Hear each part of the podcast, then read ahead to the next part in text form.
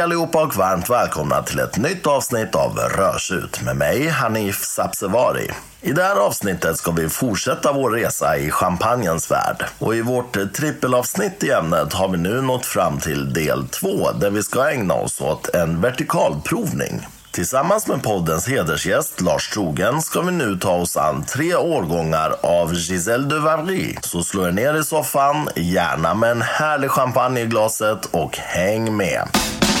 Lars, Yes. We're back. Nu, nu är det spännande. Vi är som eh, två Arnold Schwarzeneggers från champagne. Livsfarliga. Ja. Men också målmedvetna. Ja, väldigt målmedvetna. Speciellt när vi har så här härliga vätskor i glaset. Eller ja, det återstår att se. Ja, precis. Exakt. Jättespännande. Nu, nu är vi på avsnitt två här då i vår champagneresa. Eh, och nu ska vi faktiskt eh, djupdyka ner i konkreta vätskor här Ja. i glaset. Det jag pratade om hela förra avsnittet. Exakt. Och nu ska vi ta och hänga upp allting på, på det vi redan har berättat och förutsättningarna. Men också komma in på en hel del andra saker som är liksom mycket mer tekniskt och har med själva framställningen att göra. Och eh, många andra roliga saker. Till exempel valet av glas, eh, kombination med mat, eh, luftning och allt sånt där. Jag slänger ut lite cliffhangers igen där så folk inte stänger av här efter två minuter. Nej men jättekul. I glasen då har vi tre årgångar av Giselle de Vavry. oui. eh, riktigt tung twistare. Som eh, ja, är ett litet familjeägt eh, champagnehus då i...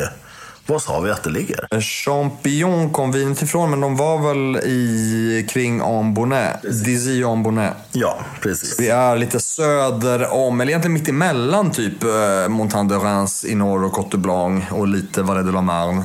Specialiteterna, eh, Montagne de Reims, mycket Pinot Noir, eh, Vallée de la Marne, mycket Pinot Meunier, eh, Cote Blanc, mycket Chardonnay. De här champagnerna har olika delar av alla tre. Och generellt, om det inte står något annat på etiketterna, om det står Blanc de Blanc så vet vi att det är Chardonnay.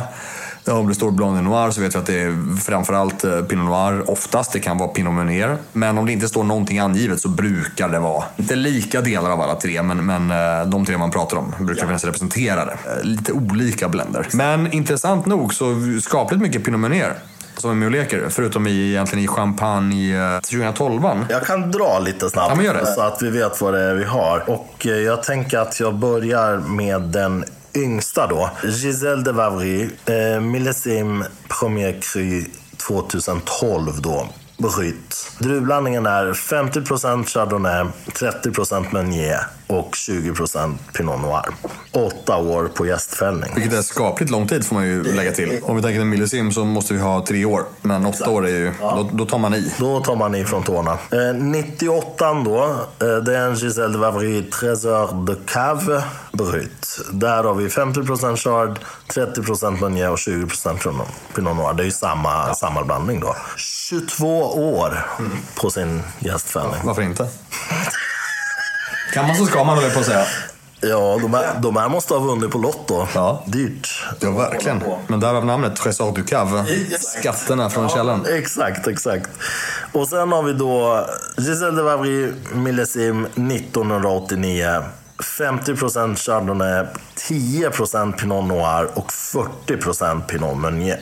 Hittar inte riktigt... eh, Men om vi gör en, en helt vanlig uh, och eh, så har den också legat länge med tanke på att det är samma serie. Det är ju Trésor du Cave på den också. ja, Så att den borde ju ha legat eh, då från 89 fram till ganska nyss då. då. det finns en siffra här som säger 20 till 30. Ah, okej. Väldigt oklart. De däggar lite olika. Hur som helst, det är i alla fall druvblandningarna Ja. i de här tre vinerna. Ska vi börja med den yngsta då? Det är väl bra. För att eh, kanske förtydliga just det här med degorgeringsdatum och ligga länge på gästfällning och sådär. Poängen med det, att låta champagnen i det här fallet ligga i kontakt med jästfällningen är ju för att skapa smaknoter, komplexitet, eh, textur um, ge någonting som inte skulle hända med ett, ett vanligt ungt vin så att säga. Minimikravet för en, en vanlig non-vintage champagne att ligga på jästfällningen efter andra jäsningen är 12 månader plus 3 månader på flaska, så 15 månader sammantaget. Vintage 36. Man brukar säga att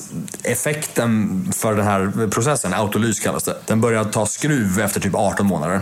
Så att många är så här, minimikravet är ganska lågt om det ska vara en poäng med det. Och det kan jag hålla med om. Mm. Men efter fem år någonstans börjar många säga att nu börjar det hända grejer på riktigt. Eh, I det här fallet så hade vi åtta år som minst. Ja. Vilket ju gör att de, de, de tar processen på allvar. Ja. Det ska hända grejer, är tanken. Och till utseendet är ju där vinet då mycket ljusare än de andra då. Oh ja, betydligt. Och då är det ändå åtta år på gästen. Ja, men där är ju vitgult nästan. Ja, det finns en liten gyllene skjuts kanske, men inte ja. så att man skulle säga att det var gyllene. Utan det är ju, det är ju lite mer, ska man säga, medium gult, halmgult om man vill använda finspråk. Ja. Men jag hade nog sagt mediumgult, punkt slut, ja. på detta vinet. Det ser ju inte utvecklat ut. Om man tänker att utvecklingen skulle leda till mycket mer gyllene färger åt det brunare hållet, eh, lite nötigare liksom. Nej, inte Det ser ju väldigt piggt ut. Ja, det gör det. Men eh, inte mycket till bubblor heller va? Nej. Det ser rätt stilla ut ja, verkligen. I, i mitt glas. Sen beror det på. Vi har ju lite olika glas också. Ja. Och här ska jag säga att jag har tre glas som är samma. Mm. Det är tre stycken av Riedels eh, Pinot Noir-kuper. Mm. Eller Pinot Noir Nebbiolo då, då, för det är tydligen samma druvsort. Ja. um, jag har tre av dem för att eh, på vägen hit så, så förstörde jag ett av mina eh, Riedel eh, champagneglas. Ja. Så jag fick vända och gå hem och hämta tre nya glas. Jag slog i hissdörren på vägen ut och det sa knak. Så att, eh, jag kör en större kupa. Det sjukaste är ju att jag också hade sönder ett glas. Det, det, här, är, ja, men det här är helt otroligt. Det är inte ens sent på kvällen. Nej, det var det verkligen inte när jag höll på att packa idag. Men jag var ju så till mig av eh, all iver ja. inför den här inspelningen. Nej, så att eh, jag, jag höll på att packa ner tre sådana här Lehmann James då, som jag gärna dricker champagne i numera. Så sönder ett då. Och ett har haft sönder förut. Jag hade ju fyra. Så jag vet inte, lite fumligt eh, verkar det vara just nu. Så att mitt tredje glas är ju Orrefors Difference eh, Crisp. Ja. Eh, som jag alltid har druckit i innan jag gick över till Lehmann och blev en landsförrädare. Men eh, det funkar nog. Och, och, nu har jag gjort så att jag hällde upp det yngsta vinet i eh, Orreforsen. Och den är ju lite mer alltså, traditionell vitvinskupa ja. mot champagnehållet, men det är lite bredare bas. Det som förenar våra tre glas, mina är ju väldigt breda i basen, ja. alla tre. Ja. Eh, men dina har ju också, det är inte en champagneflöjt vi pratar om. Nej, nej, verkligen För någonstans vill man ju ändå locka fram aromer. Det ska, det ska finnas, för mig, att dricka bubbel som att det bara är bubbel så att säga. Eh, det finns ingen poäng för då tappar man aspekten av det faktum att bubbel också är ett vin. Ja. Champagne är ett vin som många andra. Det behöver det här aromspelet. Ja. Sen så kommer ju bubblorna, beroende på hur många de är och hur intensiva de är, eh, driva på aromerna. Så du behöver inte hålla på och snurra glas och hålla på med sådana grejer. Men jag vill jobba med näsan lika mycket som med munnen. Ehm, och inte bara känna att det här var ju syrligt och lite, lite mousserande. Så man vill ju någonstans få, få hela upplevelsen fortfarande. Ja, men exakt. Och, och det är ju som vanligt då med champagne eftersom både du och jag, vi är ju väldigt överens om att man ska betrakta betrakta champagne som ett vin och inte som den här konstiga kategorin bubbel. Jag tycker man ska testa i olika glas. Det kommer ju såklart slå snett ibland. Speciellt i, i väldigt stora glas oftast då. Men eh, testa, se vad som händer. Ja, det vi märkte var att, att vi doftade på, på samma vin i våra respektive glas. Och de gör ju väldigt olika saker. Väldigt. Där mina eh, uttrycker aromatiken väldigt annorlunda. Dina är lite mer, det blir tajtare, eh, lite kompaktare aromatik. Ja. Vilket kan vara bättre, vi får se på de äldre vinerna. Ja. Men att behålla det som kanske är lite mer diffust aromatiskt. Mm. Potentiellt med ett ja. äldre vin. Uh, I det yngre så tycker jag att det gör kanske inte lika mycket. Det är inte, inte lika stor skillnad på det yngsta vinet. Nej. Men, men de som är lite mer subtila, mm. som brukar vara tecken på att man har ett mer moget vin. Mm.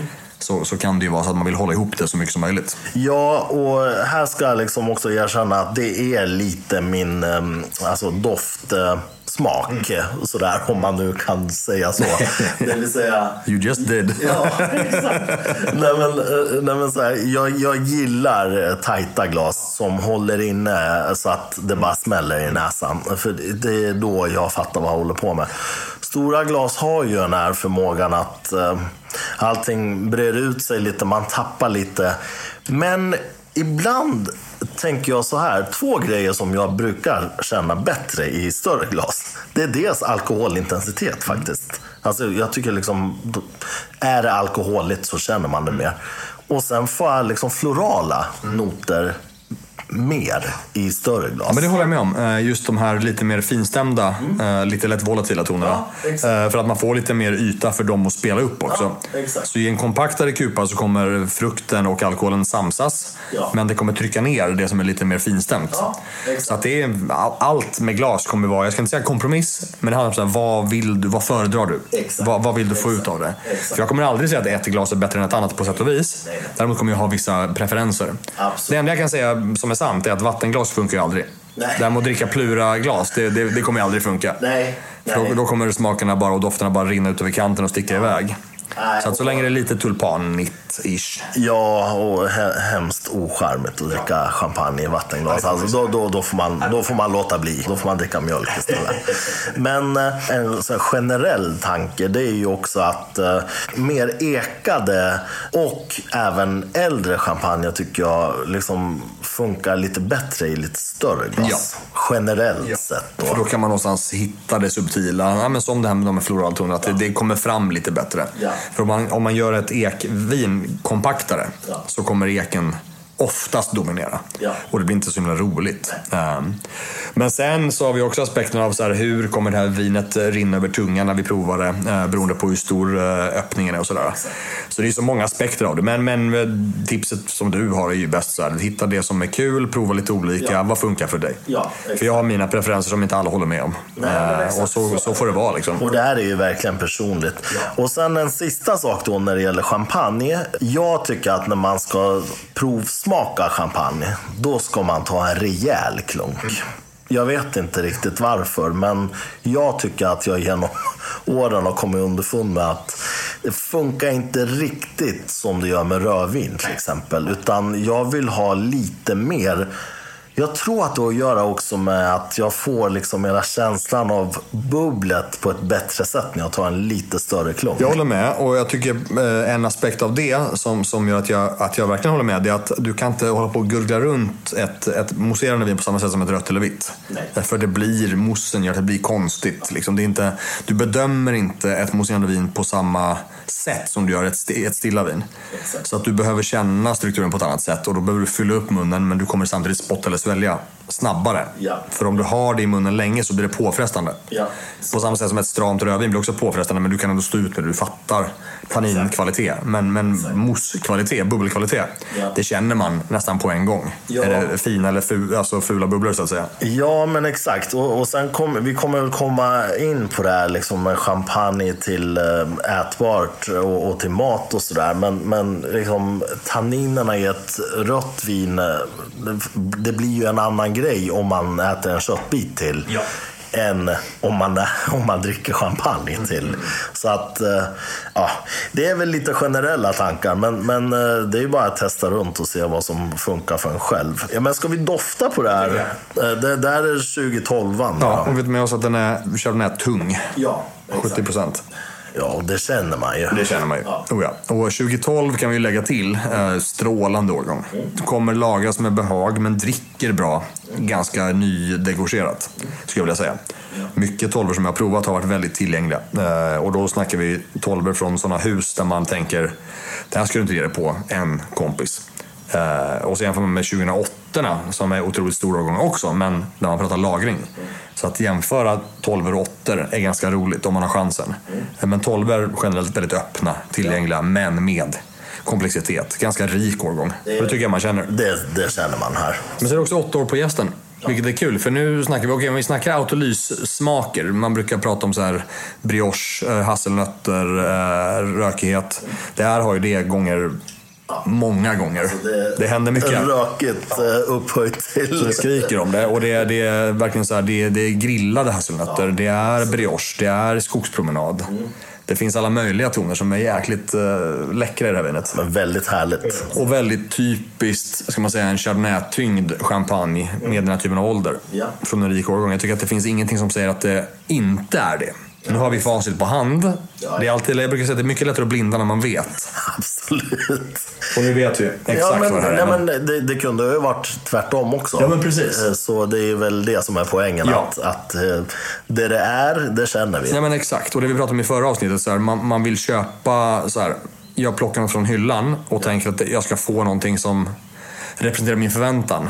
Eh, Jag hade inte blivit besviken om jag tog en 2012 som jag visste hade åtta år på gästen och fick det här i snoken. För det doftar ju Verkligen. som den typen av champagne. Gör Den har ju faktiskt en del så här florala noter i sig också. Absolut. Så här, men det är lite, så här, lite, lite vita blommor, så här, jas, jasminblomster. Eh, Som att jag går runt och doftar jasminblomster hela dagarna, det gör jag inte. Nej, men det har hänt. Min, min, min idé om den typen av vita blommor Exakt. finns här. Ja, ja. Jag baserar ju min, min eh, blomsterkunskap mer på riktigt bra tvättmedel. Än något annat. Ja, men men något som doftar på riktigt. Som att det är vita blommor. Lindblom. Jag, jag säger att jag vet vad lindblom doftar, men jag har ingen aning.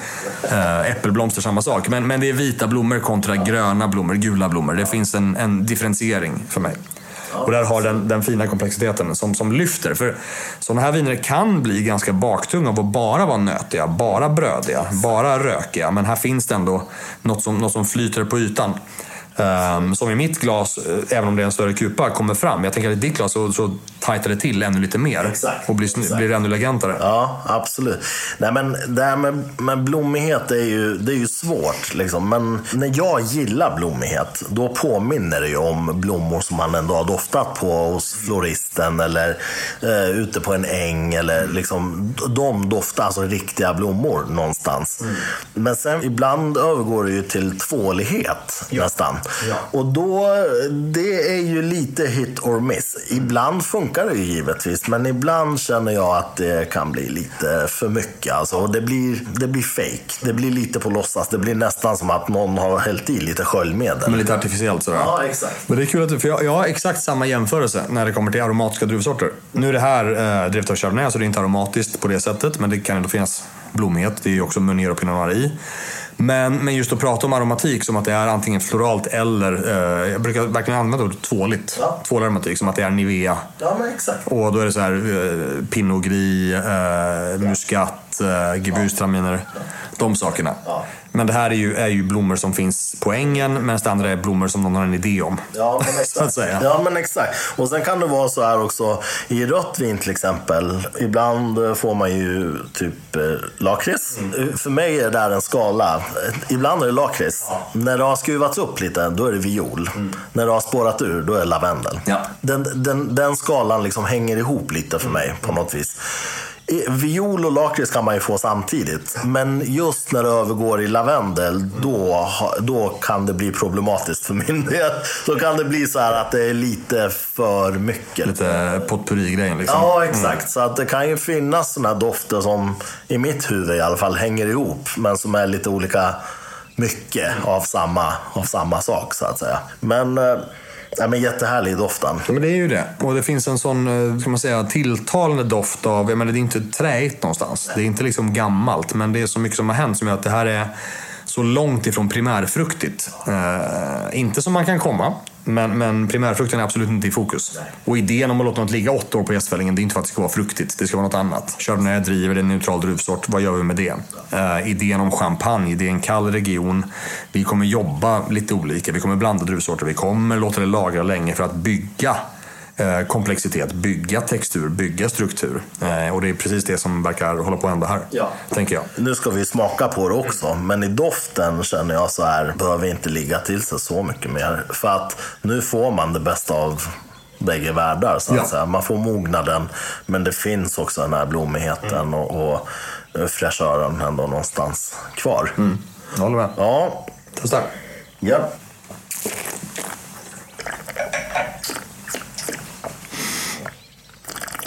Jag har alltid mitt bästa att inte smacka för mycket i mikrofonen, men det är svårt.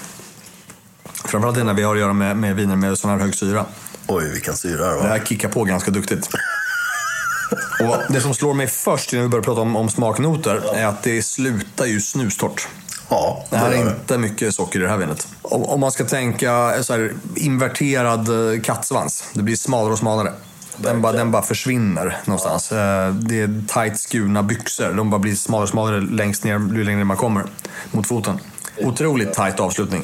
Otroligt generös ingress. Väldigt mjuka bubblor. De är otroligt eh, sofistikerade. Och här tycker jag är kul, för här kan man börja prata om så här, vad är skillnaden mellan bubblor och mousse. Det här är inte bubblor. För man känner inte de individuella bubblorna, men man känner en munfyllnad. Ja, du vet, öl för mig är mer moss. Liksom. Alltså det är mer ditåt, Ja, mer krämigt. froth-grejen. Ja, fluffigt, krämigt. Eh, Bubblor, det är mer läsk. Ja. Du vet, det är mer där. Och separerade. Ja, alltså. de kommer poppa lite Exakt. var för sig. Exakt, exakt. Jag håller med. Ja. Och det här känns ju väldigt mycket mer mosigt. Ja. Sen skulle vissa människor säkert säga att det här hade inte så mycket bubblor. Nej. Men det har det heller inte. Det är inte poängen.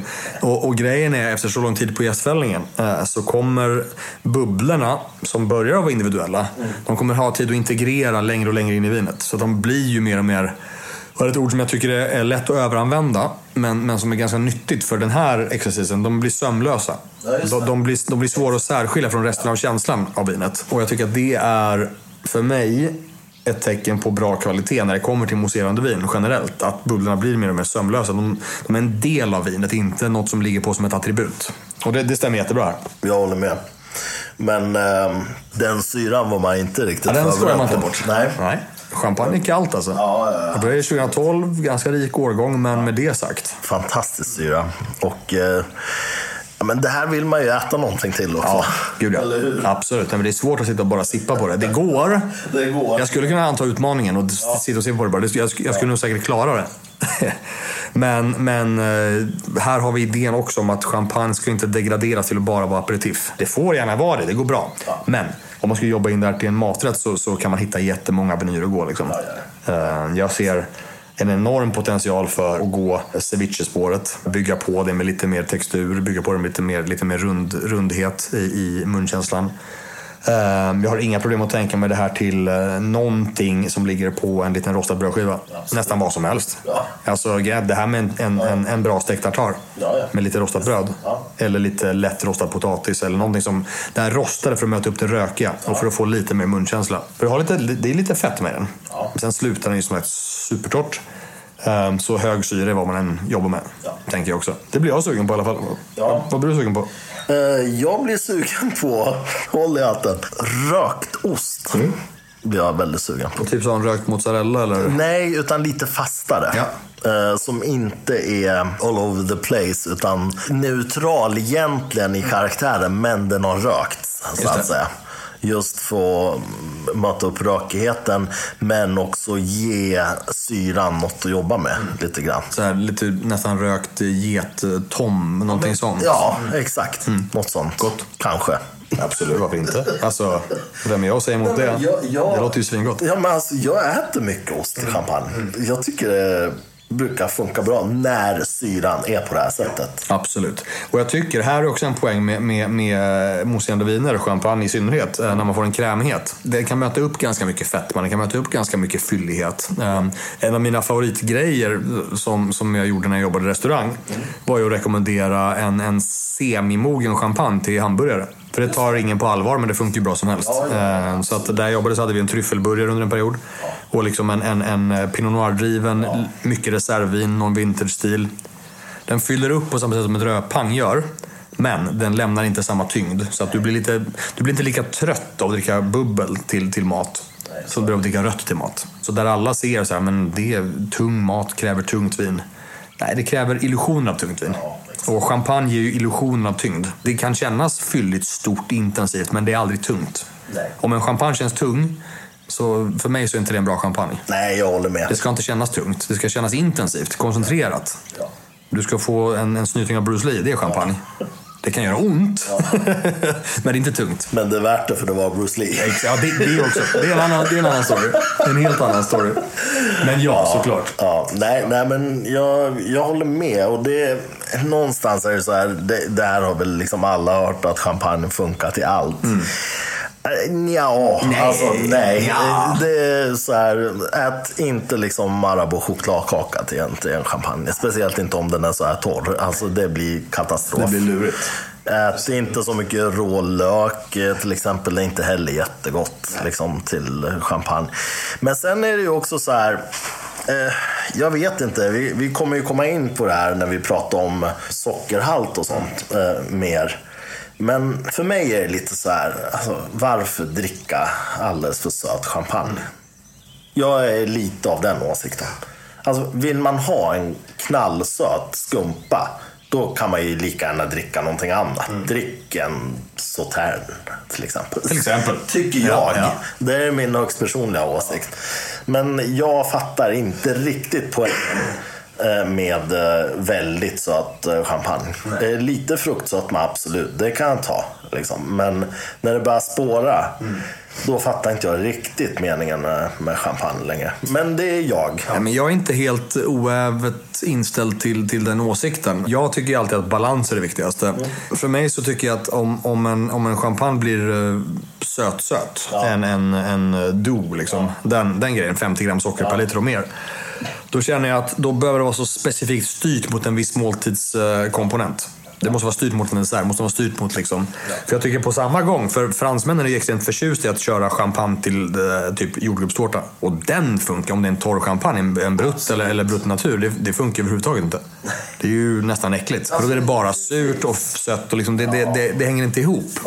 Men, men jag känner att som sagt, bara dricka en söt champagne för sakens skull. Jag är inte med på... Jag tycker också om spelet mellan syra och, och textur snarare än syra, sötma och textur när det kommer till bubbel. Sen Sen så tänker jag så här, jag älskar ju söta viner. Och där är också spelet samma. Där har vi liksom en, en Tokai som har samma syra som en champagne.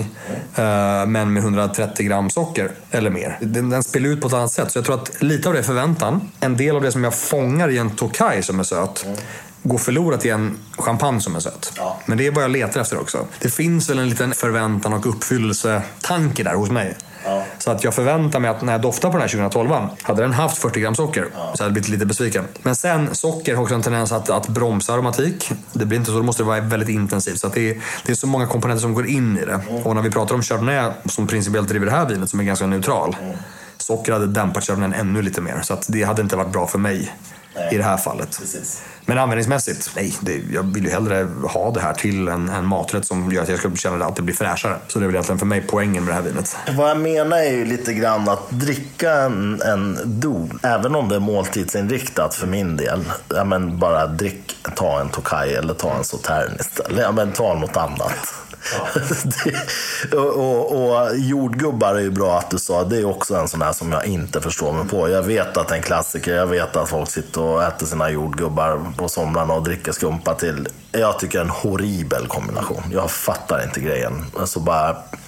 Lägg av med det. Bjud inte mig på det i alla fall. Det, det är klart. Där, där, där klippte vi den. Det är skönt. Ja, men det är skönt att bestämma ibland tycker jag. Nej men, det får vara så. Nej, men alltså ärligt talat, där om man nu ska envisas med att dricka skumpa till jordgubbar, men ta en lite sötare skumpa då. Inte de här knastertorra rackarna. Och jag tänker också att mot jordgubbar så den här typen av champagne ja. som vi har nu, ja. som är eh, nötig, brödig, stor i volym, komplex enklare, fruktigare. Ja. Också för det kommer ju funka bättre. Du, du, kommer inte behöva möta upp en jordgubbe med komplexitet. Du ska snarare förstärka det som är fruktigt och härligt. Ja. Så poängen är så här, vad vill du, vad vill du förstärka? Ja. Eller vill du bara så här, ta ner lite av... Men sen så tror jag också att, att för många människor så är de så här, men jag hade det stod champagne så jag tog champagne. Ja. Man sitter ju inte och hårklyver det vi gör nu nej, heller. Nej, nej. Men med det sagt, den här första champagnen till jordgubbar hade ju inte varit så gott. Det händer för mycket och, och, det är för mycket som man vill. För, så här, för mig så när det kommer till att kombinera eh, mat och vin mm. så vill jag någonstans låta maten och vinet eh, teama upp på ett bra sätt som gör att man släpper fram andra saker. Ja. Så, att, så att poängen med att ha det här vinet till någonting annat är att man ska hitta fler nyanser än vad som finns. Så att poängen med, med en kombination, om, om den blir så bra som den kan bli, ja är att, att man bygger på, det eleverar, eskalerar och så händer andra grejer. Ja. Så att en bra kombination är ju när saker gifter sig. Ja. Toppen, det är inget fel på det. Nej. Men en grym kombination är när saker händer som man ja. inte förväntar sig. Ja, men när det gäller rödvin då till exempel. Där är det så, okej okay, men det är riktigt kraftiga tanniner på med någon köttbit eller någonting som, som får jobba mot. Och, och så tänker man så. Men när det gäller det här. Jag tänker så här, fish and chips utan citronen. Mm. Det här är citronen. Mm. Om man tar bort ett element ur en maträtt och så tänker man, okej, okay, men du ska ha din citron till den här vad vet jag, friterade torskbiten. Ja, men ta bort den och så slänger du in en skumpa och se vad som händer. Jag tror att det kan funka. Ja. Plus mot frityren, Ja, jättebra. exakt. Eh, och om man är klassisk brittisk, mushy peas. Lite, lite earthy quality som det här vinet har också. Ja, Varför exakt. inte? Så att man kan ju också ta bort saker från tallriken och ersätta dem med vinet. Det är inte alltid att vinet måste jobba mot som man gör oftast med rödvin då till så länge det inte är ett motsatspar. Exakt. För hade vi haft en sötma i fish and chipsen, vilket Ja, är nej. konstigt. Det har man ju inte. Men hade vi haft det så hade det blivit underligt. Ja. För då blir du tvungen att para med något syrligt på Ja. tallriken. Men, men om det är nej, som du säger, som ett komplement. Det här vinet får vara såsen. Ja, eller jag tänker så här, ännu en, en riktig sån här, eh, om man tänker vardagsrätt. Köttbullar med potatismos. Många eh, gillar ju någon form av ge- gelé eller liksom eh, sylt till. Ersätter med ett rödvin som är lite, Grenache. ja, åt det hållet. Jättebra. Cotteron och köttbullar är ju bra av en anledning. Så, så bra. Då slipper man hålla på med den där sylten. Ja, liksom. håller Och på, blir håller på, håller på att jolma sådär. Ja, det vill man och inte så blir göra. det plötsligt lite lyxigt också. Alltså IKEA-maten blir superlyxig. Liksom. Så det går ju att tänka så också om man vill. Oh ja. Det, där, det är därför de har eh, på Ikea här i Stockholm, i gallerian, så har de ju så man kan dricka alkohol. Så det tydligen blivit ett ganska bra AV-ställe, Ja. säger de. Nej men på riktigt, det, det är så här, de var så här, vi, det förväntar vi oss inte. Vi får köpa in mycket, mycket mer alkohol. Ja, det är så. För att man krökar på Ikea tydligen här i stan. Så köttbullar och grenache, det är en grej. Jag, ska, jag, ska, jag hör av mig till dem och, och säger att vi, de, de får inte glömma var de hörde det först. Nej, verkligen. verkligen. verkligen. Ja, men du, eh, börjar vi känna oss lite klara med 2012 Alltså inte än, men vi får, vi får gå vidare vid något Ja, tillfälle. vi måste. Eh, annars kommer det här bli ett eh, avsnitt utan slut. Oh ja. Men då går vi vidare då till någonting helt annat färgmässigt Vi hoppar bak i tid Ja. med ganska många år. Men utseendemässigt, ja. Ja. Något helt annat. Ja. Nu är vi inne på något som, som ser gammalt ut. Och hade inte du sagt eh, ordet sautern så hade jag kanske använt det i vilket fall. För det här börjar bli gyllene. Det är ju inte liksom mörkt mörkt. Nej. Men här har vi ju ett, ett mörker jämförelsevis. Om det första vinet bara är ljusgult mot mediumgult. Så här har vi något som är, som är gyllengult. Och väldigt konsekvent gyllengult genom hela vinet. Ja. Det är inte jättemycket nyansskillnad från, från, eh, från mitten till kanten. Nej. Utan det håller ihop hela vägen ut verkligen. Och det här är alltså 98 som vi pratar om då. Och i trion som vi har 12, 98, 89. Så 98 är på pappret den svagare årgången av de, av de tre. Ja. Eh, För både 12 och 89 är ju liksom kalasårgångar. Eh, 4,5-5 stjärnor om man ska titta på sådana saker. Eh, Men rika årgångar, eh, lagringsdugliga, intensiva, fruktdrivna, Ja. Mm. mogna liksom. 98, lite svalare. Eh, borde lagras lite kortare tanken. Här har vi låtit det ligga på gästen i, vad sa vi, 22 år? Ja. Ja men då så. Det är väl lika bra. Ja. Nej, men det är ju inte 96 om man säger Nej, så. det är det inte. Ja, 96 for the record är ju verkligen så här. Det är ju eh, en sån här årgång där man tänker att så här, kommer den syran någonsin lägga sig? Kommer det någonsin vara drickbart på det sättet? Eh, många som har gjort eh, champagne både 96 och 08 Ja. Eh, som gjorde väldigt bra 08 För 08 var också extremt hårt, stort, moget, hög syra. Eh, många sa 08 gjorde vi bra för att vi lärde oss av 96. För den var svår. var, ja. Tungrodd liksom. Eh, 98 var inte den. Eh, 98 var något annat. Eh, men det man känner spontant med det här, att här har vi mognad på ett helt annat sätt. Ja, ja, Här händer det grejer. ja. Och om vi tänker att 12 hade ganska lite primärfrukt. Det finns nada primärfrukt här. Nej, det finns inte. Det, det här är ju bara tertiärt. Ja, vad känner du? Vad har du för först, första krok? Jag har några krokar. Vad är dina första? Jag får så här sherrynoter. Rostade nötter liksom. Så här honung. Fast så här honung som har legat ett tag. Du vet, som har blivit så här mörkbrunt. Ja, men det är ju oxidativa toner, så det skriker om det. verkligen. Jag får alla de sakerna, absolut. Jag får jättemycket eh, nyraspad mörk choklad i den. Ja, just det. Det har du faktiskt rätt i. Så det känns nästan som att man, liksom så här, man, man har tagit en, en karamelliserad äppelkaka och bara dratt över massa choklad på den på slutet. Men det är inte sött. Nej. Men tonerna av det här gräddade, ehm, mörka. Ja. Ganska, det, är, det är inte kargt. Jag får också, som du säger, det är lite honung, det är lite torkad frukt. Ja. Ehm, torkat äpple. Men det är långt ifrån det här super eh, primära. Jag ska inte säga att det inte är vitalt. Men, men det är inte liksom så här, det är, det är inte, det här kommer låta fel, men det är inte levande på det sättet. Nej, det. Utan det här är ett vin som har, har legat still. Och 22 år på gästen. Det, det, det ska vara så, det är poängen med det. Det är precis, det är så jag tänker också. Den har ju någon eh, järnighet i form av aprikos, alltså torkad aprikos också. Du vet, det är ju så järnigt på något vis. Och på toppen av det ett litet tunt stryk av, av ganska lyxig möbelfernissa. Inte ädelträ som man får i Bordeaux med snygga fat. Men det finns en, en liten fernissa som ligger på. Liksom. Ett stryk av det. Så den känns nästan lite, och på ett ganska bra sätt, lite, lite, lite kemisk. Ja. Svårt att säga, men det känns som att det är så här, någon har gjort det rätt. Det är byggnadsvård det här vinet. Ja, alltså, jag får lite så här träolja. Ja, exakt. När folk är på så här linoljebehandlar och det tar lång tid och det får, så här, det får gifta sig med andra saker på, på torpet på landet. Exakt. Så. Ja. Det är där vi är. Så det är liksom inte så att jag håller inte på att fulspraya någonting. Nej, nej. Det här är, Nej, nej. det är dyr fernissa. Jag har köpt det på, på byggfabriken på Söder. Det är inte gratis. Har legat 22 år. Ja, herregud. Men det är intensivt. Ja. Det händer mycket och det händer saker i glaset. Nu är jag glad att jag har min större kupa. För här får det liksom blomma ut och göra mycket och jag får ändå fram nyanser av fruktighet. Och, liksom.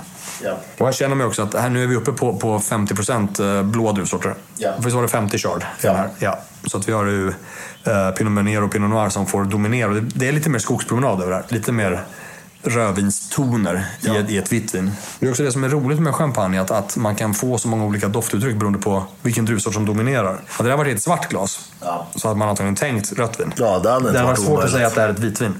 Uh, även fast det ser ut så. Det känns mycket, mycket mer som att man är i Pinot Noir-land. Det är kul. Eller Pinot Meunier-land då, för Pinot Meunier mognar ännu tidigare och ger ännu mer av det här. Exakt. Ja, vi testar.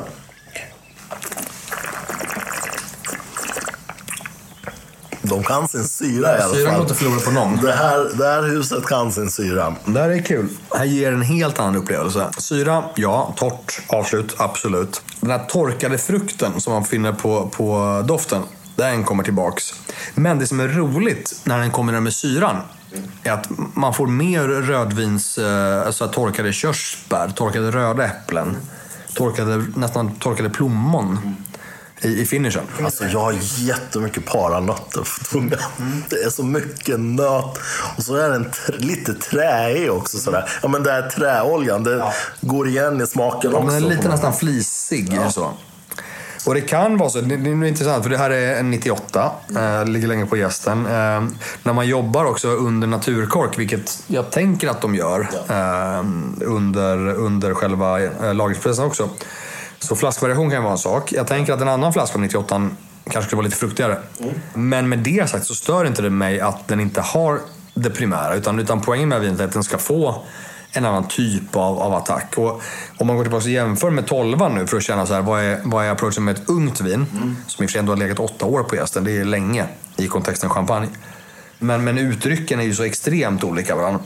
Och eh, att de kallar det för sin, sin eh, men det är så här skattkammarvin för dem. Så här, det här låter vi ligga med flit för att.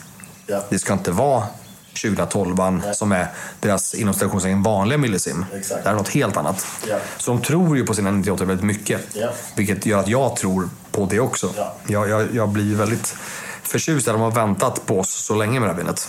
Det här vinet har, har jag ju haft med i ett annat avsnitt eh, med Cecilia Oldne när vi provade. Och vi blev ju dödsförälskade i det. Och det slutade med att jag köpte typ alldeles för många flaskor av just den här 98.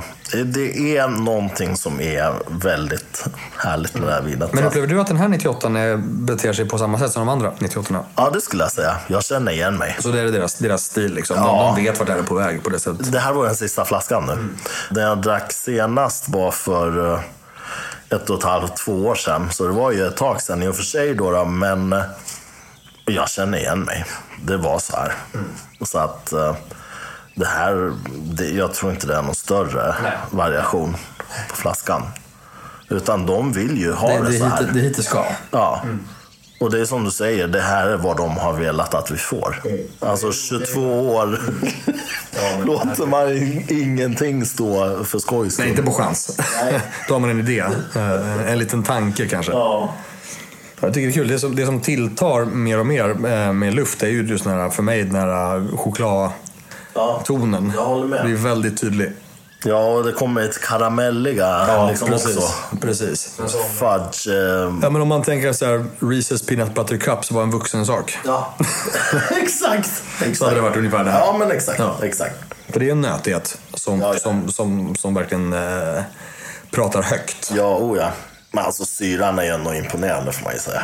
Ja, den kommer inte försvinna liksom. Den kommer vara konstant. Det handlar om hur länge frukten och fylligheten och moussen kommer liksom... För här ska vi också lägga till att moussen är ju... Vi har inte ens pratat om den. För det behövs inte.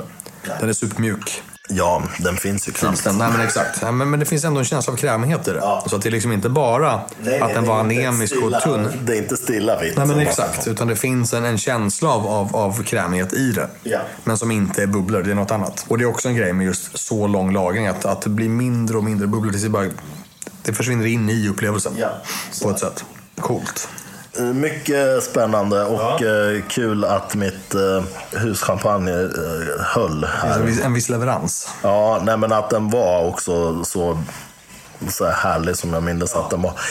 Och det här är ju också spännande. Det- Jag menar, det är ingen superstor årgång. Det är inte ett superstort hus. Eh, många har inte ens hört talas om det här.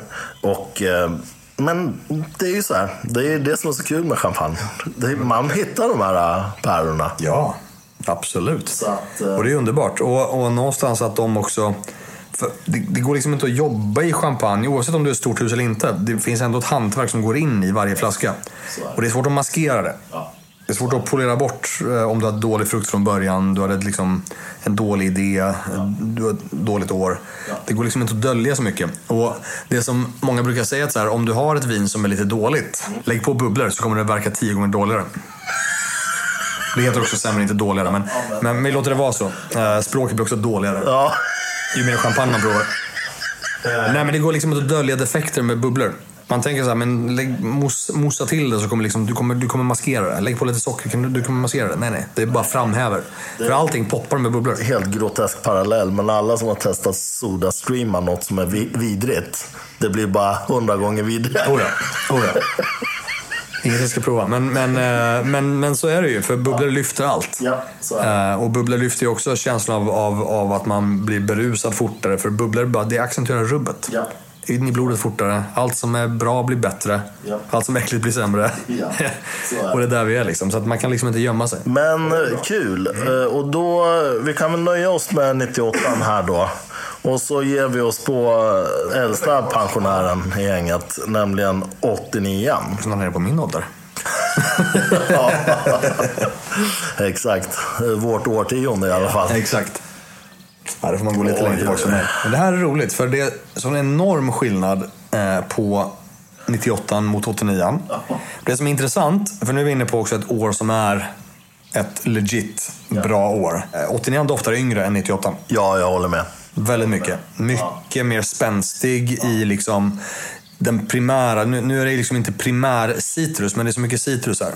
Det är så grillad citron och det är liksom... Men alltså jag får så väldigt mycket konjak. Och du vet, eh, sån här punschpraliner får jag. Ja, det händer ju mycket det här rökiga, rostade här också. Det är ju supermycket av de här tertiära. Det som jag får, som jag tycker är extremt härligt. Ibland om jag har den noten i ett vin, så kommer jag, jag kommer kunna tolka mig själv och se om det är bra eller dåligt. Men tänk så här tigerbalsam. Ju- 100 Fast på ett procent! extremt bra Wow. sätt. För ibland, för ibland så är de väldigt uh, otäcka de tonerna. Alltså det är verkligen det. Det är verkligen spot on. Det är 100 procent tigerbalsam. Men det är sjukt tilltalande för det samsas med jättehärlig mogen citrus, grillade toner, nötter. Jag får också mynta. Jättemycket mynta och de går ofta ihop för mig. Lite linimentiga mot exakt. mynta, mot basilika, mot liksom exakt. de här väldigt lyfta noterna. Utan att det blir volatilt och knäppt. Det är liksom inte ett... Alltså det är tigerbalsam. Jag kommer inte ens kunna koppla bort det här nu. För det, man, man letar ju liksom, men det, det är verkligen När man tigerbalsam. väl plockar upp den så är den, den är jobbig att att få bort. Det går inte. Utan nu är den där. Så jag säger förlåt. Nej, nej, nej men alltså det är ju otroligt precis. Men den är också, den är också så, den, den minglar ju med andra saker. Så att ibland så är den för, sig- för sig själv och det är inte så kul. Men här minglar den med andra grejer som gör att den, blir, den blir rolig. Nej men det är mynta. Jag får också så här sultanrussin. Det är såna här ljusa russin som vi iranier äter mycket av. Men det är också myntan, men det är, det är gott. Man, man förknippar det med goda saker. ja, ja, absolut. Men så oerhört annorlunda mot bägge de andra. Gud ja. Och här vill man ju in i lite, ja men typ det som du beskriver matmässigt. Man vill in i en, en bra eh, baba ganoush med kanske lite, lite russin. Kan finnas där. Inte för söta, men de får finnas där. Ja. Man drar på mycket citron. Jag tänker sån grillad citron. Ja. Eller sån inlagd citron. Ja. Gott. Men vill åt krämigheten. Nu inte, alltså jag tänker bara att det kan vara krämigt. Det är ju champagne trots allt. Ja, ja. Så jag utgår från det. Ja. Men, men någonting lite fetare, en krämig grej. Eh, Grillat bröd. Ja. Man vill åt liksom nästan labne-grejen. Ja. Ehm. Man vill sitta och doppa saker. Ja. Lokala kolgrillens tillbehör vill jag. Ja. Jag, behöver, jag behöver inte ha grillspettet. Nej. Men jag kan ta tillbehören och bara köra. Mitt lokala nere i Årsta, där får man sju såser bredvid varje beställning. Den kan jag ta. Det är grymt. Man får en hel en burk med sju såser i varje. Har de Foodora vi kör ut Det ju funka, det ska funka klockrent. Superhärligt. Ska vi smaka också då? Mm.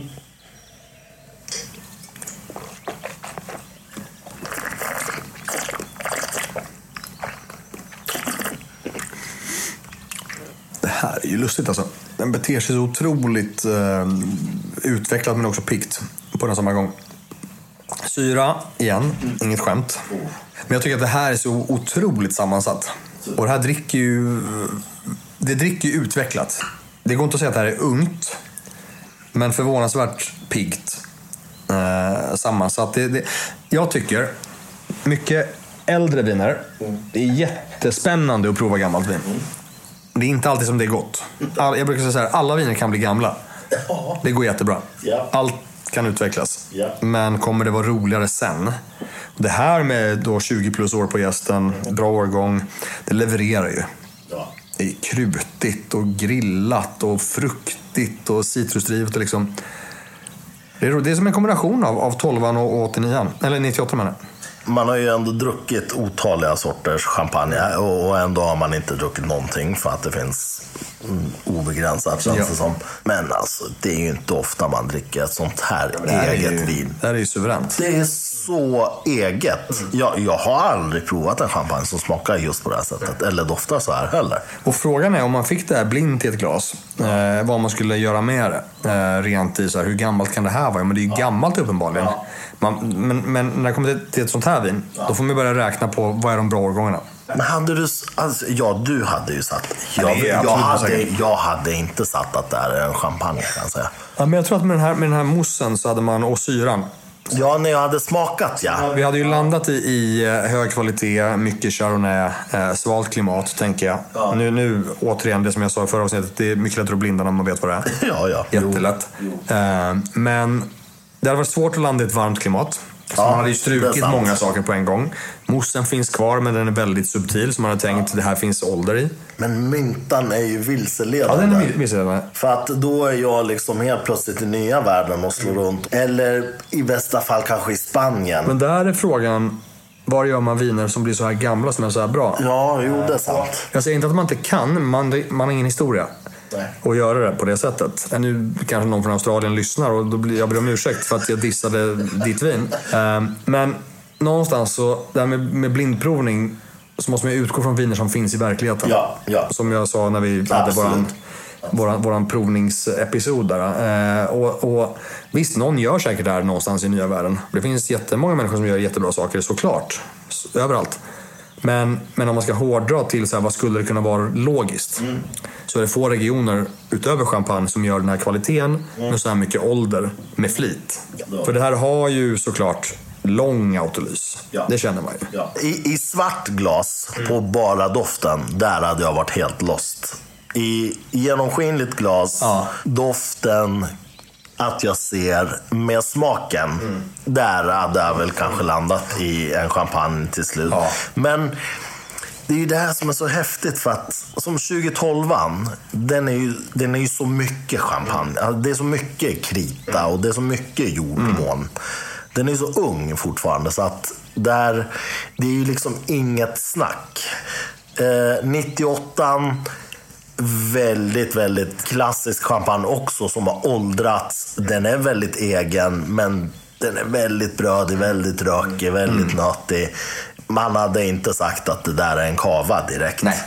Den här är ju den som är liksom mest egen. Det är den verkligen. Och den har en, eh, men just den grillade citronen, den har en sälta i sig som är intressant. Och någonstans nu när jag stoppar näsan i och försöker tänka, så här, var skulle jag placera den? Alltså mognaden kan man inte ta miste på, den är ju väldigt mogen. Ja. Men den får nästan en sån eh, Atlant, alltså Galicien... eh, Så här supermogen Albarino Ja, åt det hållet. Med ju så här, det här gulgrönäppliga, citrusiga, sältiga. Men de jobbar ju inte sina mousserande nästan överhuvudtaget alls. Eh, De gör det, men inte på det här sättet. Så det, det, det är lurigt.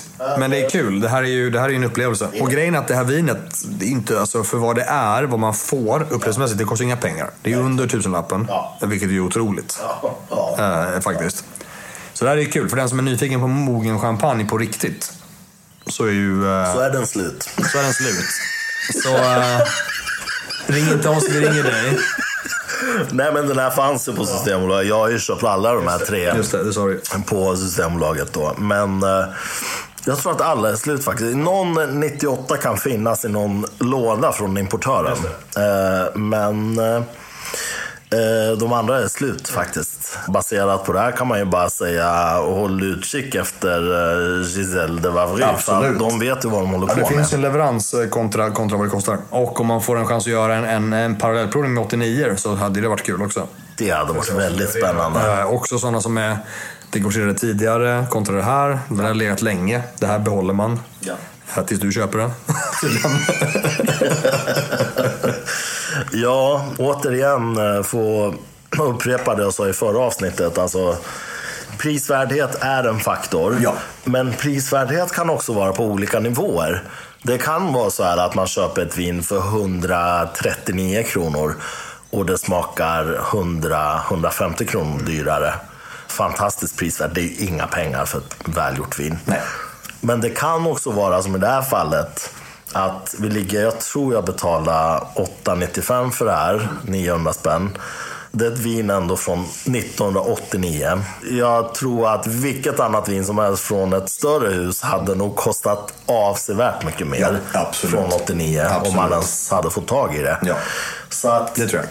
Det är en annan typ av prisvärdhet. För mig är det här skyhög prisvärdhet. Och man får också tänka på, men det som vi pratar om, är så här, vad producenten gör med det här vinet. De ska jobba det här vinet. De ska, det ska ligga till, ligga still och ta plats. Ja. Eh, så det är real estate också. Yes. Och mark i champagne är inte gratis. Nej. Det, det vet vi.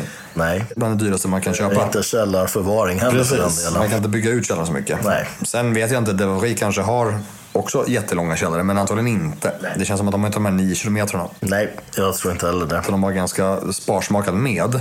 Men när det väl kommer till kritan, det här ska släppas, så ska det degorgeras och fixas. Och liksom det, jobbet är ju där. Så jag tycker också att 900 spänn är ju faktiskt väldigt, väldigt värt Ja. för detta. Absolut. Eh, Och också att de här tre ligger på samma prisnivå. Ja. Så man kan också där, leka med dem eh, om man skulle vilja. Om man har två sju som ligger och skruttar någonstans. Ja, exakt. exakt. Och det kanske man har. Det kanske man Eller så har. får man se till att skaffa sig det. Ja, eller så man önskade sig det i julklapp eller någonting. Eller skaffa en tidningsrunda. Ja, eller gifta sig rikt. Ja, menar, Det finns alla möjligheter. Alternativen är obegränsade kring hur man kan få tag i en Giselle de Vary. Ehm, Men du Lars, jag tänker så här då att vi avslutar den här delen. För nu har vi gjort en vertikalprovning då av eh, samma producent, olika årgångar. Nu ska vi göra en helt annan typ av provning. En liten parallell. Ja, en liten parallell kan man säga. Så att om du känner dig nöjd där så stannar vi här då med fröken, eller fru de Vavry. Pass på. ja, eh, så går vi vidare till nästa del i provningen. Underbart.